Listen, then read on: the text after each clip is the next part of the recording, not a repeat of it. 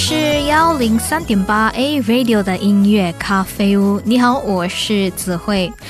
那么之前呢，也是有提到了这么一个词。仿蛋咖啡，那么这一类型的咖啡饮料呢，其实在好几年前已经是有了，已经是被研发出来了。在当时呢，仿蛋咖啡也是蛮流行的。那由于为什么会流行呢？听众朋友就可以先猜一猜了。听完今天的这个节目呢，听众朋友也是可已经是能够猜到了。那么仿蛋咖啡 （Bulletproof Coffee） 呢，到底是什么？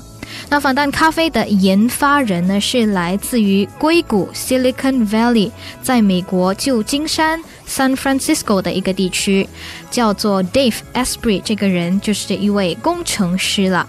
那这位 Dave 呢，创作仿蛋咖啡的灵感呢，其实是来源于西藏民族从以前呢会饮用、会喝的酥油茶 （Butter Tea）。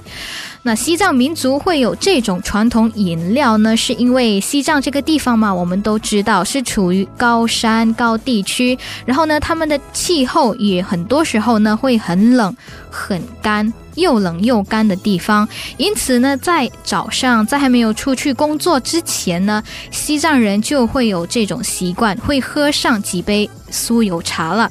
因为酥油茶当中的主要成分就是牛油，然后就是茶了，因此呢，就能够提供足够的体力啊、卡路里啊，就是能够给予他们一天工作需要的能力了。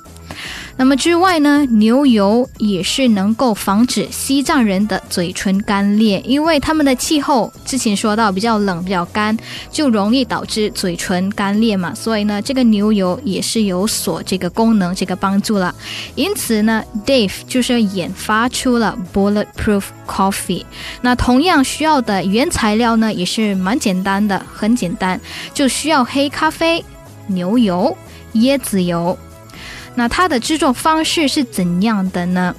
都有哪些好处或者是坏处呢？但是还没有继续之前呢，子慧就想要问听众朋友：如果你有机会喝到这两种饮料，像是酥油茶和仿蛋咖啡，那你会想要喝它们吗？